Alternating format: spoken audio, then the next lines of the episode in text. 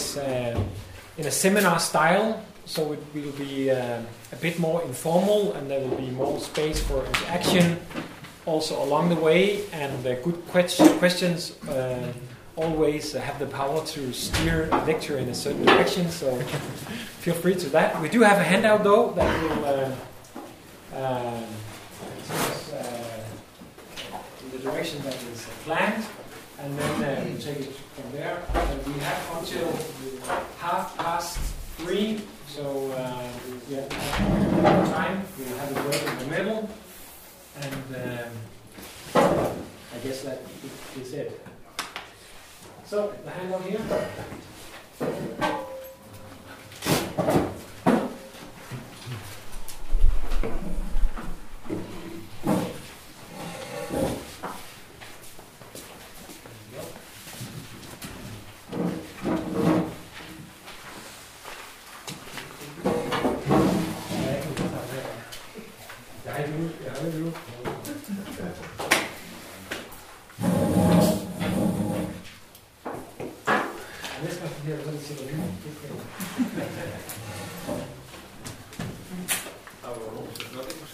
Går lige op og laver nogle flere.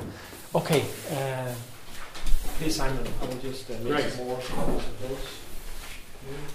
Okay, so uh, this this lecture is partly going to continue with what we were talking about this morning on discussing the uh, nature of justification in terms of both its content uh, and uh, what the concept of justification is, and also in terms of its scope. But I also want to touch on the theme which Morton mentioned this morning about the question of uh, final judgment according to works. So we'll talk about that to some extent as well. Um, first of all, one problem that comes up in discussions of the new perspective, and we, we touched on this earlier, is that in comparisons of the old perspective and the new perspective, there's often a tendency, I think, to identify the problem in Paul as which system is he operating with? Or which pattern of religion is he operating with? Is he operating? What, what does he mean by faith as opposed to works? And so, in that respect, I think it's, it's always vital to recognise that the foundation of justification in Paul is the atonement. And so, the, the, the, the first major references to justification in Romans come uh, in Romans 3 21 to 26, where Paul has identified Jesus as the mercy seat and the sacrificial victim, bringing about atonement so that uh, God is the justifier of uh, those who have faith in Jesus. And uh, you can see this again in, in Romans chapter 5, verse 9 as well, where Paul says that we have, we have been justified not even not by faith, but, but, but justified by his blood. Uh, so the atonement is clearly the, the ground or the basis of, of justification and the real uh, agency and justification there. So that, that's, a, that's a sort of vital foundation stone for uh, understanding justification. So Paul is not just interested in a sort of faith works distinction, but he is interested to uh, criticize that dimension of uh, works, and we touched on this already this morning in connection with uh, the, the, the flesh and the problem of the flesh as sinful and not being able to observe the law as is required.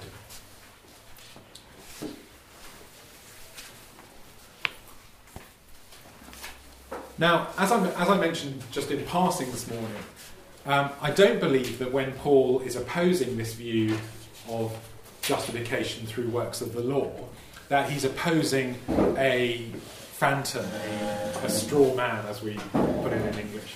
Um, because uh, is, is, it the same in uh, yeah, the same thing? Yeah, it's the same in German as well.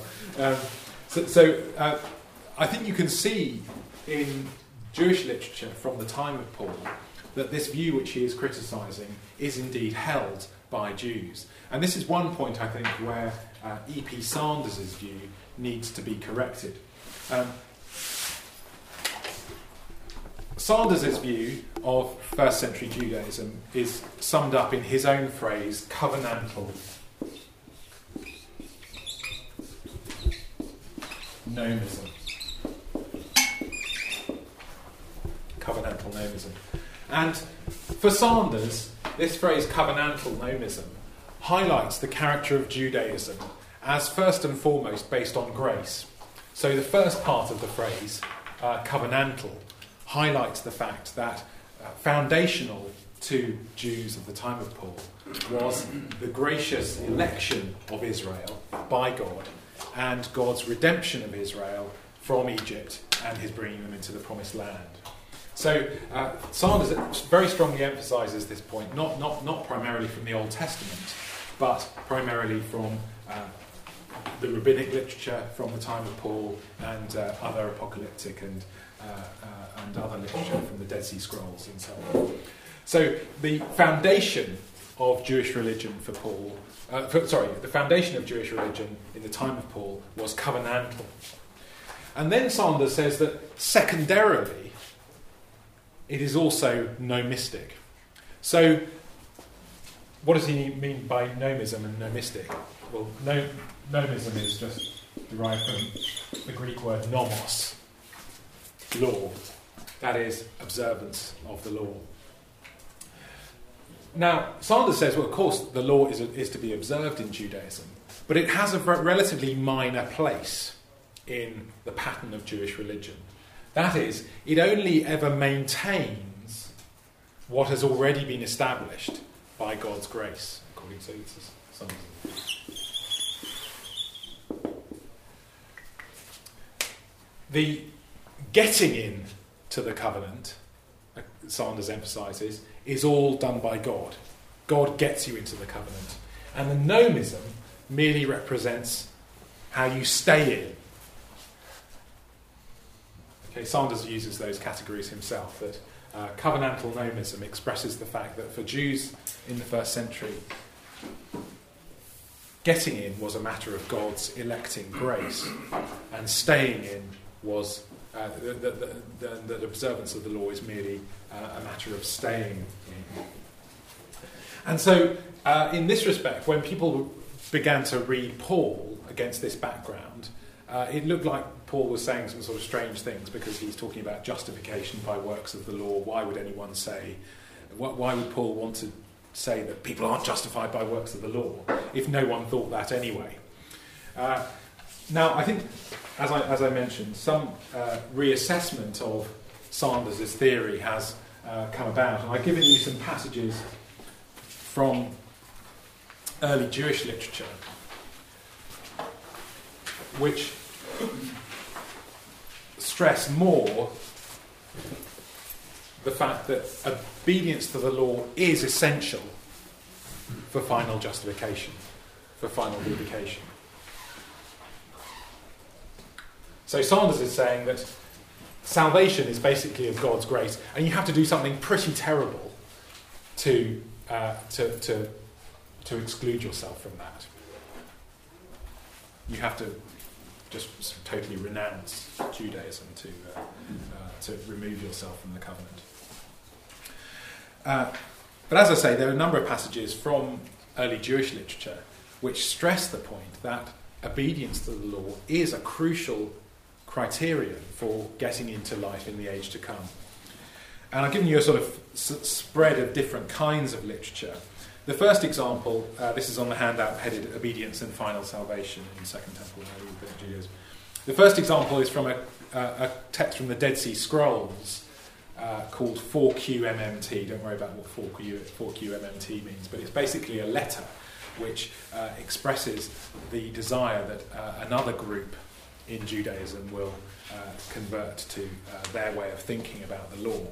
And it concludes We have indeed sent you some of the precepts of the Torah according to our decision for your welfare and the welfare of your people.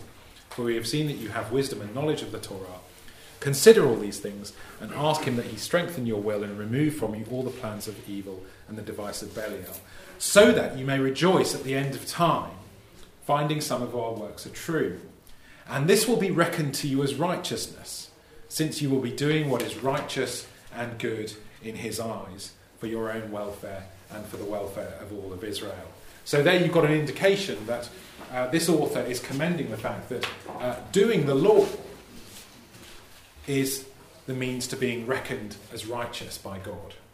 This will be reckoned to you as righteousness, since you will be doing what is righteous and good in his eyes. And that leads to rejoicing at the end of time in other words, final salvation. Uh, this passage, the next passage I won't go into, but it's, it's of some interest for the interpretation of Leviticus 18.5. Um, the third passage is from, wisdom of, from the Wisdom of Solomon, which is a, an Egyptian Jewish text, so uh, slightly different from the Dead Sea Scrolls in that respect. And so some of the language is more Hellenistic and more Greek in its outlook. Uh, but uh, Wisdom of Solomon says, Love is keeping her, that's Wis- Lady Wisdom's commandments. Observance of her laws is the guarantee of immortality. So, uh, again, an emphasis on the fact that observance of the law is the, the way to, uh, to guarantee salvation uh, and immort- eternal life. Um, a couple of passages from the Sibylline oracles, uh, again from around this time, uh, first century BC perhaps. Wisdom of Solomon is first century BC, and the, uh, um, the 4 QMMT text is second century BC.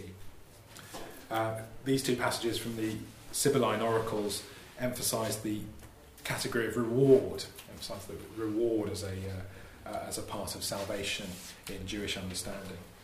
So in the second passage, this is the content picture, sort of life as a contest for, for, the, for the prize of salvation. This is the contest. These are the prizes. These are the awards. This is the gate of life and the entrance to immortality, which God in heaven has appointed for the most righteous man as the reward of victory. Those who receive the crown will pass gloriously through it. And similarly, Josephus in the next passage, the uh, first century Jewish historian, uh, characterizes uh, in, in uh, how, in contrast to Greek understandings, where if you're a benefactor to the city of Athens, for example, you, re- you can receive a, a you, you have, there's a public event where you receive a garland, and uh, in this passage here, uh, Josephus says, well, uh, the reward for doing works, the reward for observing the law, is not a sort of public recognition with a garland or anything like that, but it's much greater. It's everlasting life uh, in, in, in the age to come. So, as he puts it here, the reward for such as live accord, exactly according to the laws is not silver or gold, it's not a garland of olive branches or of parsley, nor any such public sign of distinction. Rather, each person trusts with the witness of his own conscience that to those who keep the laws and willingly die if it is necessary to die for the laws, God has granted them a renewed existence and a better life at the transformation. So, uh, observing the law leads to renewed life at the transformation of all things. Um, an interesting work from around AD 100, uh, so shortly after the New Testament was written. Uh, Josephus is also writing about the same, same time as John's Gospel, probably in the 80s uh, AD. Uh, Baruch, to Baruch a little bit later. Um, miracles, however, will appear at their own time to those who are saved because of their works, and for whom the law is now a hope and intelligence, expectation and wisdom, a trust. So that's uh, 2 Baruch. Um, I'll skip the, the next passage from 2 Enoch because it's, the, 2 Enoch is sometimes regarded as a Christian work. Um, and the last two passages are from the rabbinic literature, which is a later sort of collection of Jewish literature. Uh, and uh, some of it's quite late, but it contains lots of earlier traditions that, uh, uh, that were spoken by earlier rabbis. So the, uh, the first passage is from one of the earlier collections of rabbinic literature. Uh, and uh, it goes as follows So, whoever fulfills one mitzvah, one commandment, God benefits him and lengthens his days and years, and he inherits the earth. And everyone who commits one transgression, God harms him and shortens his days, and he does not inherit the land. And concerning this one, it said, one sinner destroys much good. With this single sin, this one loses for himself much, uh, much good. And so on. It continues in this vein about the importance of individual transgressions and the individual uh, uh, uh and individual uh, meritorious uh, actions. Now, I don't think it's meant entirely literally, as if you know, just by one transgression you forfeit your salvation, just or, or by one good deed you gain salvation. But it's emphasising the central importance of observance of the law uh, of, of, of, good action for uh, salvation. And finally, a passage from well from from uh, I say from the Mishnah, it was added later into the Mishnah, this section of the Mishnah. Um, so probably from AD 200 or 300. There's a very interesting comment here. All is foreseen, but freedom of choice is given, and the world is judged by grace, yet all is according to the majority of works. So, what I've been trying to sort of spell out here is not just sort of going back to the old view that Judaism is legalistic, purely legalistic, and, uh, and doesn't recognize God's grace. What you see in, in, in this literature is, uh, and we'll go on to a particularly good example of this, uh, a combination of the fact that God's grace is emphasized, but that obedience is also vital for salvation. Now, I suppose as, as Protestants, we tend to think that, uh, that, that, that um, grace, in some ways, sort of excludes a role for works. But this is not, this is not the way first century Jews thought. Uh, and in some ways, Paul was trying to uh, say that, was, was trying to uh, separate them out as well in comments like in Romans 11, where he says that uh, if it's by works, then it's no longer by grace. But for most Jews, grace and, and uh, the vital importance of obedience were both held together. Um, and this tension can be seen, I think, particularly well in the next uh, section, in the next handout from the Psalms of Solomon.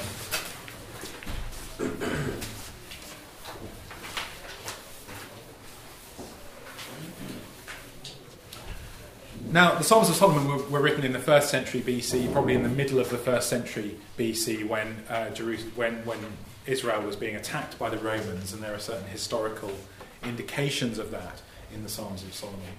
And what I think you can see particularly clearly here is that in both of these extracts from the Psalms of Solomon, the emphasis on God's grace and election of Israel is held very closely connected with the importance of obedience for salvation.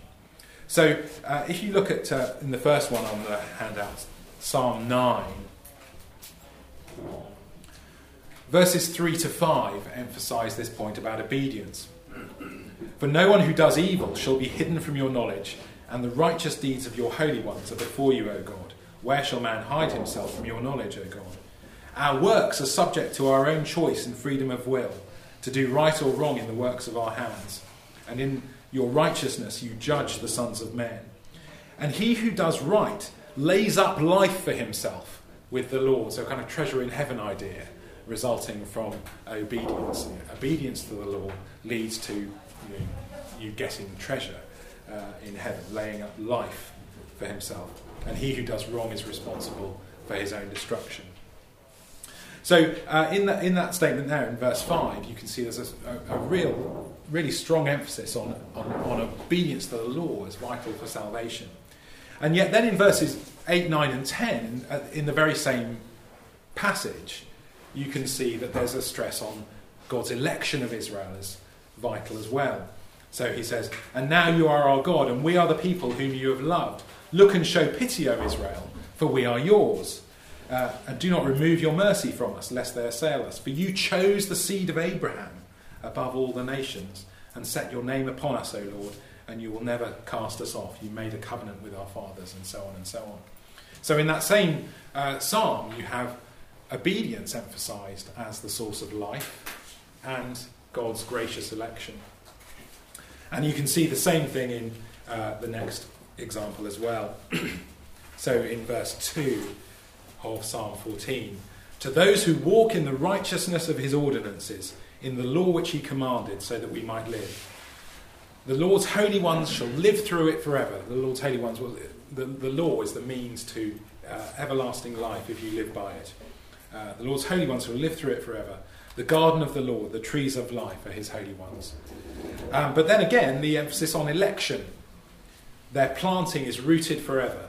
They shall not be pulled up all the days of heaven. Why not? Why? Because they've observed the law? No, uh, no, he says in verse 5 for the portion and inheritance of God is Israel.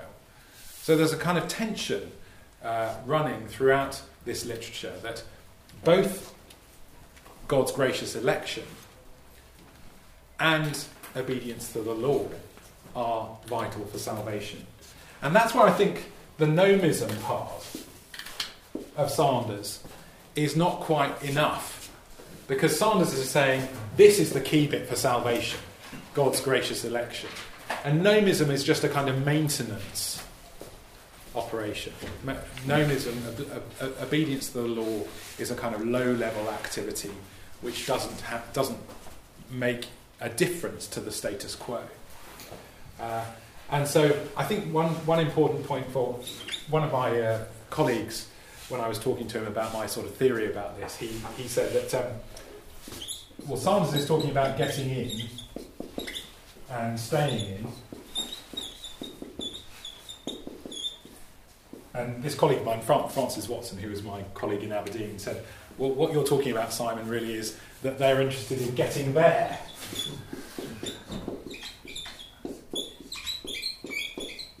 In other words, getting to life in the age to come. And observance of the law is vital not just for this, but for this.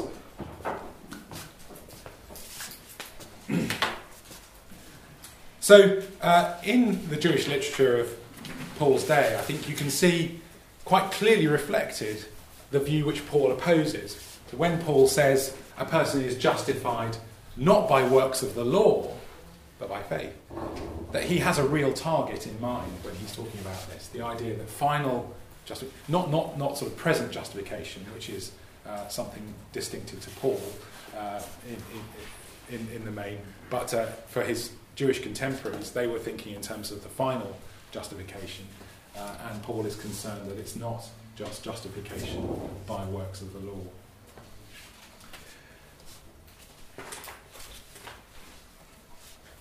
Um, just before we go on, some comments on how much of this Paul gets rid of.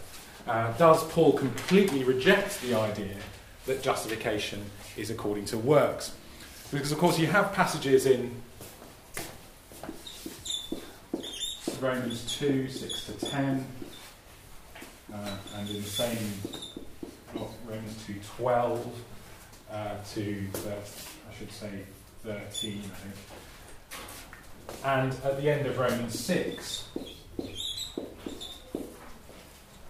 where it looks like what Paul is saying is that obedience does, in some way, lead to salvation. So, what, does Paul, what is Paul talking about when he's saying that justification is not by works of the law, when he seems to be sort of reintroducing obedience as important for salvation in the end, after all?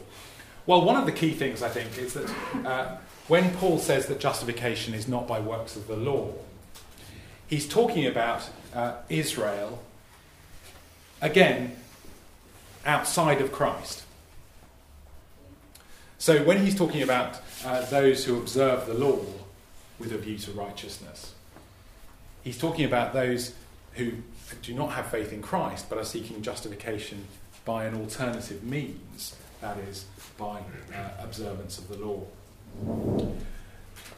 The second point, I think, is that Paul doesn't think that uh, works of the law are the way to salvation, uh, or even the primary way for Christians to live. So when Paul talks about how Christians should live, he doesn't generally sort of bring out a commandment, even from the Ten Commandments. Paul characterizes Christian obedience as in the imitation of Christ living according to the Spirit. Those, those are the kinds of living in accordance with the gospel. Those are the, those are the kinds of terms, those are the kinds of phrases that Paul uses when he's talking about uh, Christian living. He doesn't uh, um, really use it. There's one exception where he uh, uses a commandment, I think, uh, in Ephesians, but uh, in general, he doesn't talk about the law as the way in which the Christian life should be, should be governed. So those are two factors. Another factor is, as well, I think that um, when Paul talks about justification and salvation not taking place on the basis of works of the law, is that when he's talking about works of the law, he's presuming that uh, this obedience is not empowered by the Spirit. So the works of the law, if you like, if you if you uh, think of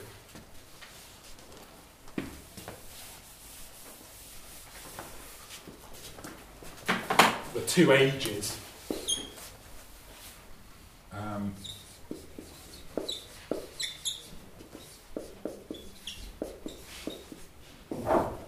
Paul divides history into two ages the age of Adam and the age of Christ. And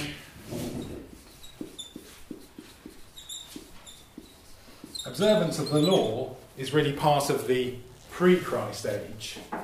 Even if, even if you're a sort of first century Jew living in, you know, living after the coming of Jesus, uh, observance of the law is really part of the Adamic era. Whereas in the time of Christ, Christian obedience is by the Spirit.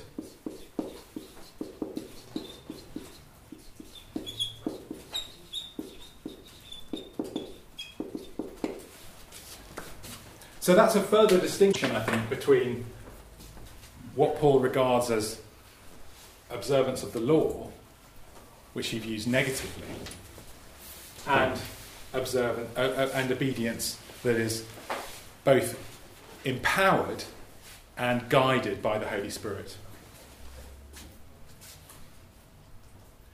So the question becomes Does Paul think that this spirit empowered obedience leads to final salvation? So, because if you look at um, chapter 2, uh, Romans chapter 2,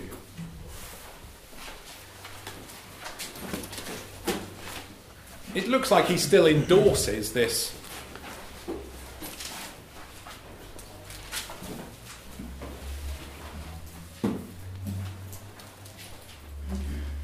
this view of judgment according to works.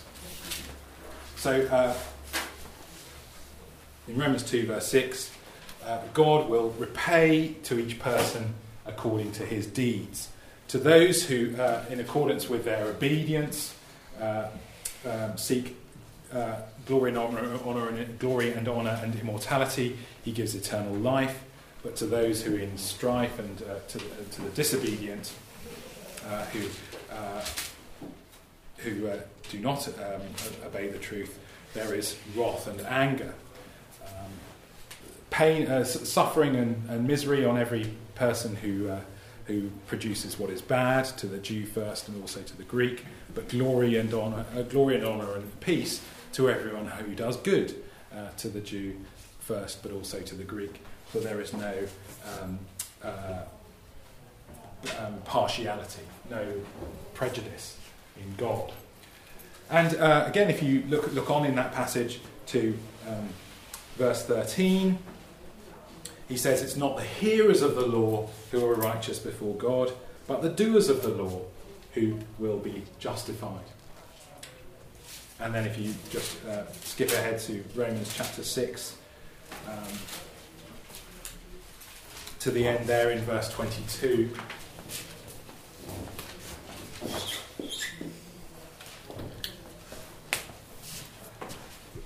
Uh, so chapter 6, 22. Now then, having been set free from sin and having become slaves to God, bear fruit, bear, have your fruit uh, for sanctification. And the end of that, the goal of that sanctification, the goal of you bearing that fruit, is eternal life. And I think it's, it's, it's because of these passages that I think we, we can't exclude the necessity in the Christian life of eternal life as well. So there's some place for in final justification, in final judgment of uh, judgment according to works, and uh, and uh, you can see this in other places in Paul as well. We all stand stand before the judgment seat of God to receive uh, um, receive the reward for what we have done in our uh, bodies, whether good or bad. Now, I think the emphasis here, the emphasis on uh, in Paul here, is not on the kind of individual calculation of deeds. Uh, and, you know, so there's certainly no idea here of a kind of balancing of good and bad, or a kind of accumulation of, of, of merits and demerits. But I think there is an interest in Paul in the consistency of, of how the whole life is led. Now, of course, Paul takes into account, Paul, Paul, Paul is assuming that people uh, that, that, churches, like people, sort of go through good patches and bad patches and, uh, and don't live consistently as Christians. He knows that Christians sin all the time, as we saw in Galatians 5 in that passage. The flesh and the spirit are at war with one another so that you do not do what you want to do. And certainly, and, which I think is consistent with. Uh, um, with, with Paul's view elsewhere that Christ, Christians just do sin, even though it's illogical that Christians sin, they do sin. And yet, I think Paul thinks that uh, a person's life, when considered in its totality, will ultimately be oriented to God and not to sin and not to the self. So he, he thinks that uh, those who are outside of Christ have, a, have lives which are opposed to God fundamentally, even though they may do some good things. And similarly, Christians even though they may sin and sin terribly at times, uh, the Christians fundamentally have an orientation towards God as the pattern of their life. And so I think Paul, Paul, Paul, Paul assumes that when uh, justification, when final judgment happens, that is something that God looks at as well. So I, will just uh, leave that with you, and uh, if, if, anyone wants to ask, ask any questions, then uh, you're welcome to. Right? Um, I, no, I, I, well, I was going to say more, but um, I thought we, you know, if, if, people want to ask anything now, um, we could discuss that.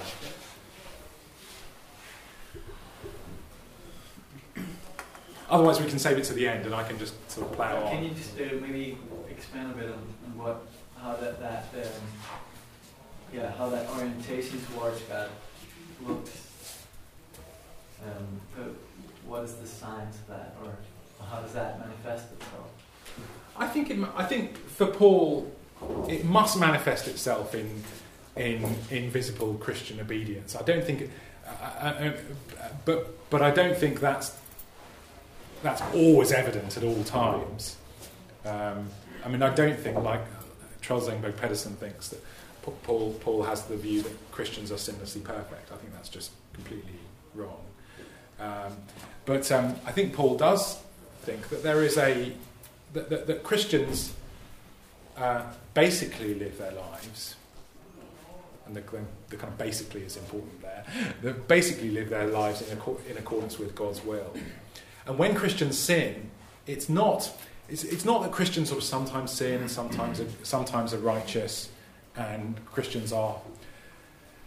I mean, I don't, I don't quite like the phrase simul justus et peccator, because I don't think it's quite Paul. I think Paul, Paul thinks that if, we, if Christians sin, it's just totally illogical.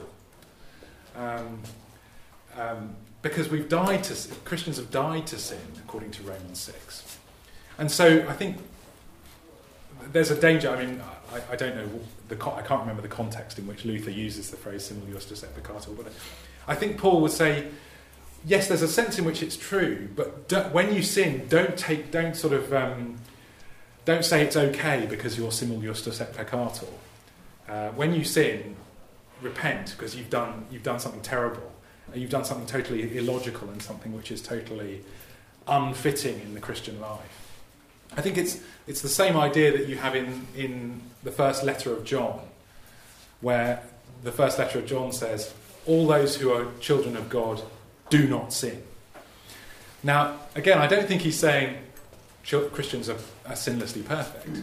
But he's just saying that children of God just children of God and sin are totally different alien concepts, and if you get them mixed up, then something very strange has gone. Something very strange has happened. Um, so I think Paul thinks that the basic orientation of a Christian, as as displayed in the fruits of the Spirit, uh, is is is a life of living in accordance with Christ. Now, I think, I think we're sort of nervous about that because we, we think that that must look like Christians being just sort of saints, just pure, pure and perfect all the time. But I think, you know, I mean, you can tell from the churches that Paul is writing to that he's a realist as well. um, yeah. Um, just two things. Would, would you then rather accept the already not yet scheme would you distinguish that from the Simul Justus uh, scheme? Um, so you mean that Paul is thinking of the fact that we're already living lives in some ways conform to Christ, and mm-hmm. yet we're not yet. Yeah, but they say Yeah, it doesn't take more progression, perhaps. yeah. I think I think Paul does. I, Paul, Paul doesn't. I don't think Paul really emphasises progression, but I don't. I, th- I think he does think it's important because I mean, particularly in a passage like Romans eight, verse. Um,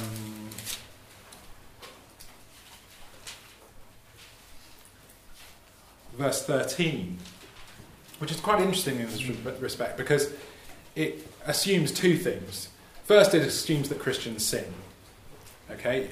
Christians sin because otherwise you wouldn't need to put to death the sinful nature. So it assumes Christians do sin, but it assumes that you've got to, you, you, you need to, and uh, there's another thing it assumes. It assumes that the agent of who, who puts to death sin? Well, you do, but you do it by the Spirit. Um, so the Spirit is the primary actor in your in what is called in the in, in English in the tradition mortification. Do you have the same a similar word in, in um, putting to death the sin the sinful nature? Um, so I think Paul does believe in Paul does believe in progress, um, and I think again staying in Romans eight.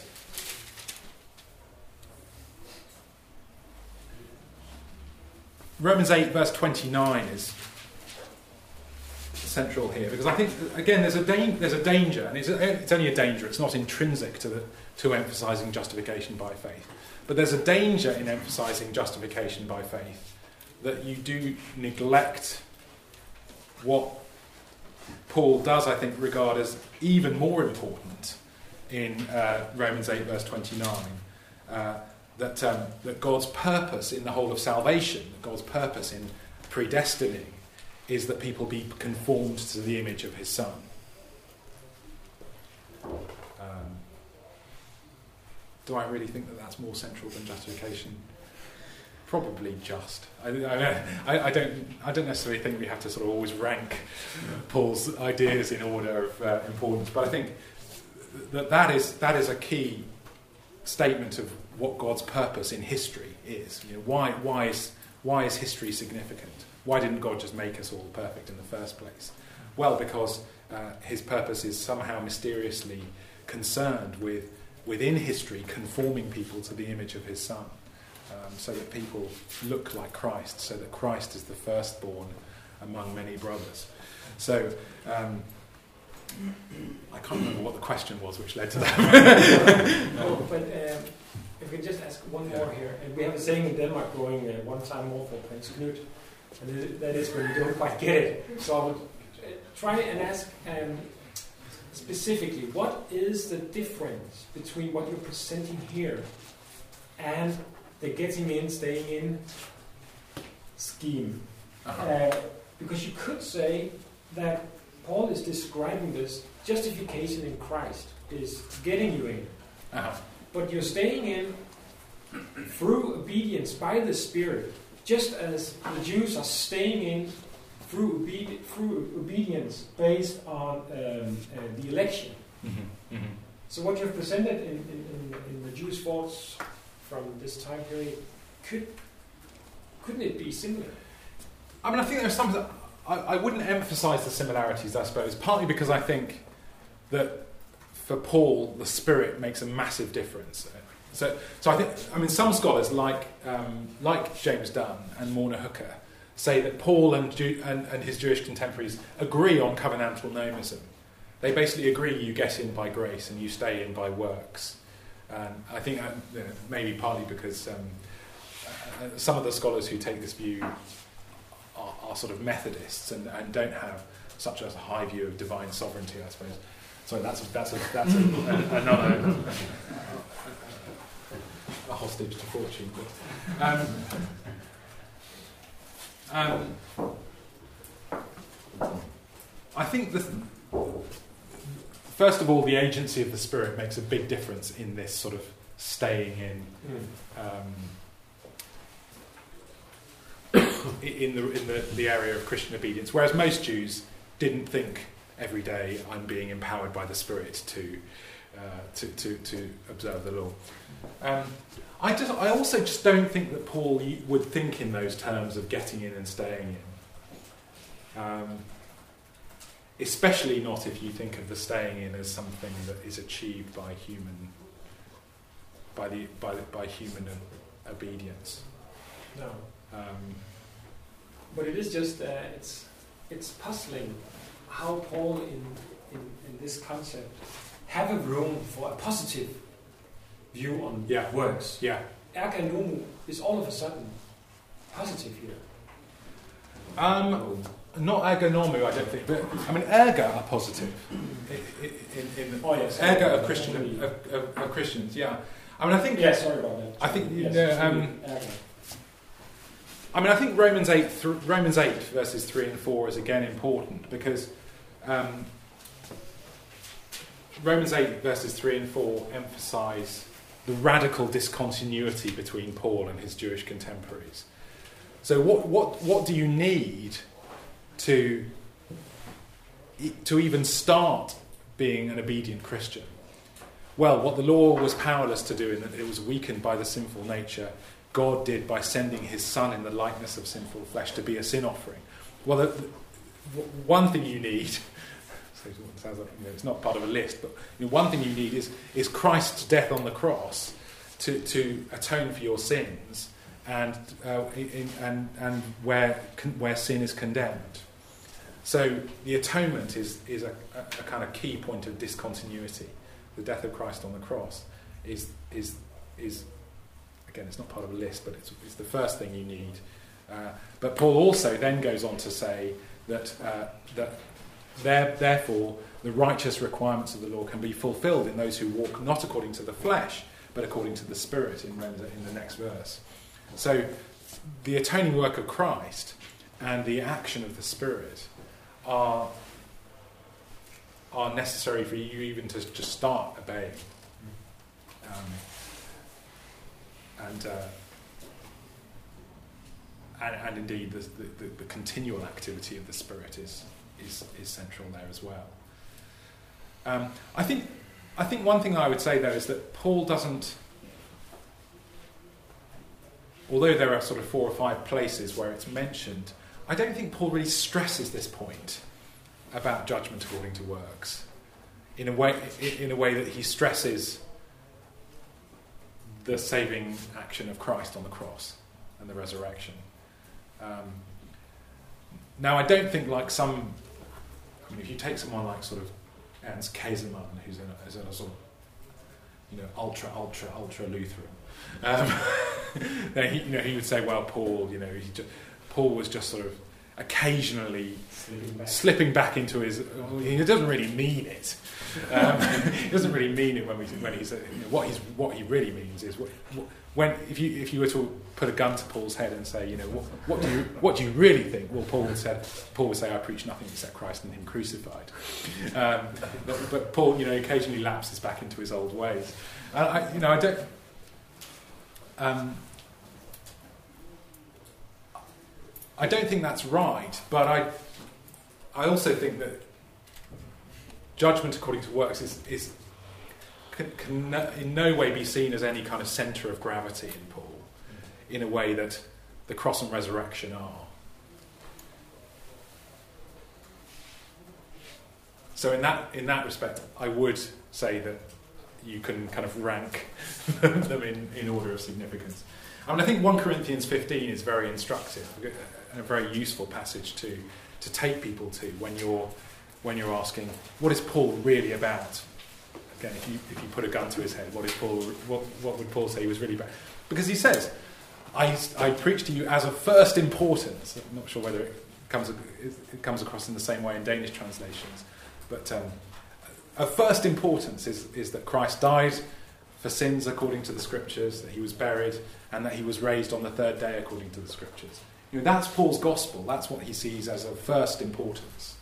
Uh, and I also usually add, when I'm talking about sort of you know, the organ in lectures about the how Paul's thought is organising. That he has organised. He has something which he regards as primary, that is the gospel of Christ's death and resurrection, and what he regards as ultimate, which is God's glory. So those, I think, are the, those two things: the, the death and resurrection of Christ and the glory of God are, are the two sort of organising poles, the sort of north and well, north and south poles of, uh, of Paul's theology. Um,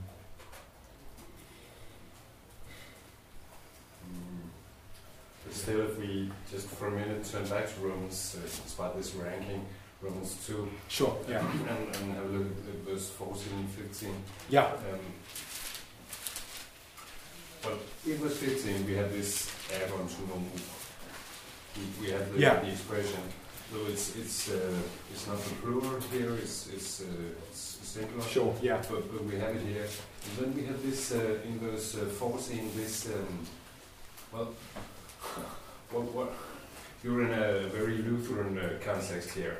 And, and, and in normal Lutheran theology and in the Orthodoxy, uh, these verses would be the main um, basis for talking about a natural uh, Yeah. knowledge of the Yeah. law. And, and, and you said that Physik in uh, verse 14 is that the, the, the, Gentile of verse 14 at least, is not necessarily a Christian. Right. That would be uh, ordinary uh, Yeah. Lutheran uh, theology, saying that that he's keeping the commandments out of his nature and, Yeah, and the, the work of the Lord is written in his heart. And then um, now I've been um struggling a bit with these verses and even seeking advice my old teacher before. Um, what, what do you think?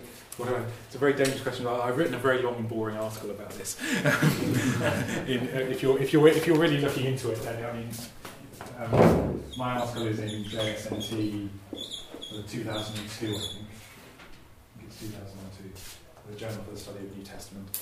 Um, and um, if I can remember what I said, it basically, um, I mean, I take this to refer to Christians. So I, think the main the main reason um, is that I think that well, that just going through it. Sorry for those of you who who, uh, who are not as interested in this as I am. And um, um, first of all, I think the fuse goes with the first bit. So it's talking about those Gentiles who do not have the law by birthright. So that's how I translate that that that, that verse. Um, I think also verse 15 is quite resonant of Jeremiah 31. So I think the work of the law being written on the heart is much more is less likely to be about a natural uh, conscience or something like that, but rather to be about uh, God's activity in writing the law on the heart, which, which of course in Jeremiah 31 is, is what God does when, the new, when he brings in the new covenant with the Spirit. Um, I think, I mean, I list in that, in that article what I think are all the strong arguments. I think another, another important argument there is the, is the, um, the parallel between verses 14 and 15 in this chapter and verses 25 and 29 where Paul talks in very similar terms about a Gentile who is, I think, much more clearly a Christian. Um, so the Gentile who um, uh,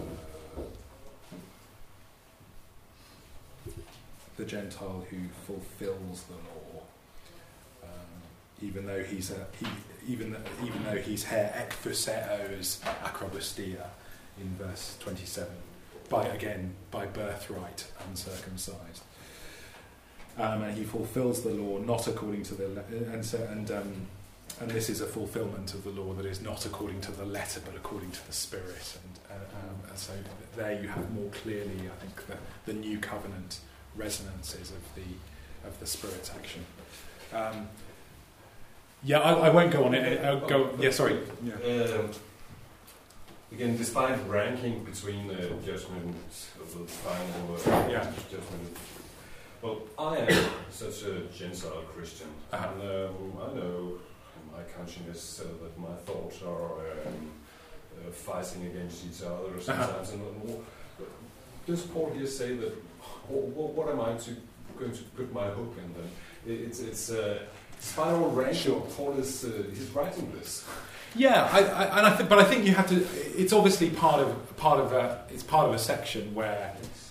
It, it, I, mean, I think you know, if, if, if all we had in the New Testament was was Romans two fourteen and fifteen, you know, we, we might think we're in trouble. um, but I, yeah, it's part of a bigger argument, and uh, um, and I think, but I, but I think those verses actually highlight that point because in verses fifteen, um, in the second half, um, uh, you have the, the um, logismon kategorun ton apologumenon. That, that your, you, your thoughts, yeah, they, they sometimes accuse you and they sometimes defend you, and that's that's that's that's that's the nature of the Christian Christian sort of psychology, isn't it? Um, um, sometimes you're pretty sure you've done the right thing, sometimes you're pretty sure you do the wrong thing. Uh, and actually, elsewhere, Paul says we shouldn't actually take take we shouldn't actually take that very seriously. Um, if you remember the passage, um, again, the, the book that I've mentioned in the last lecture by Stephen Chester is very good on this. Um, he has a very good explanation of the, the slightly complicated passage at the beginning of 1 Corinthians 4, where Paul says, uh, even if someone else judges me, I don't judge myself, you know, where, where it says that. And um, and Chester takes that, I think, rightly to say that what, how Paul evaluates his own actions and his own life doesn't really matter very much. It's, it's God's judgment that it's God's verdict on one's life which, which counts, um, which is quite sort of helpful pastorally, I think, as well as um, as well as Right. Um, in regards to time, we have uh, we are in for breaking not too long, but would you have more to present, or how would you like to? Um, how long? When were you due to finish? Uh, Three- three thirty. Forty-five minutes. Okay. What about if we have a break now and then for, for, for, for a few minutes, and then I can sort of basically present the next chunk? Okay. Is that is that a good idea? Or? Okay. So ten minutes break, and we meet again ten minutes to three. Okay. And I'll try and I'll talk first.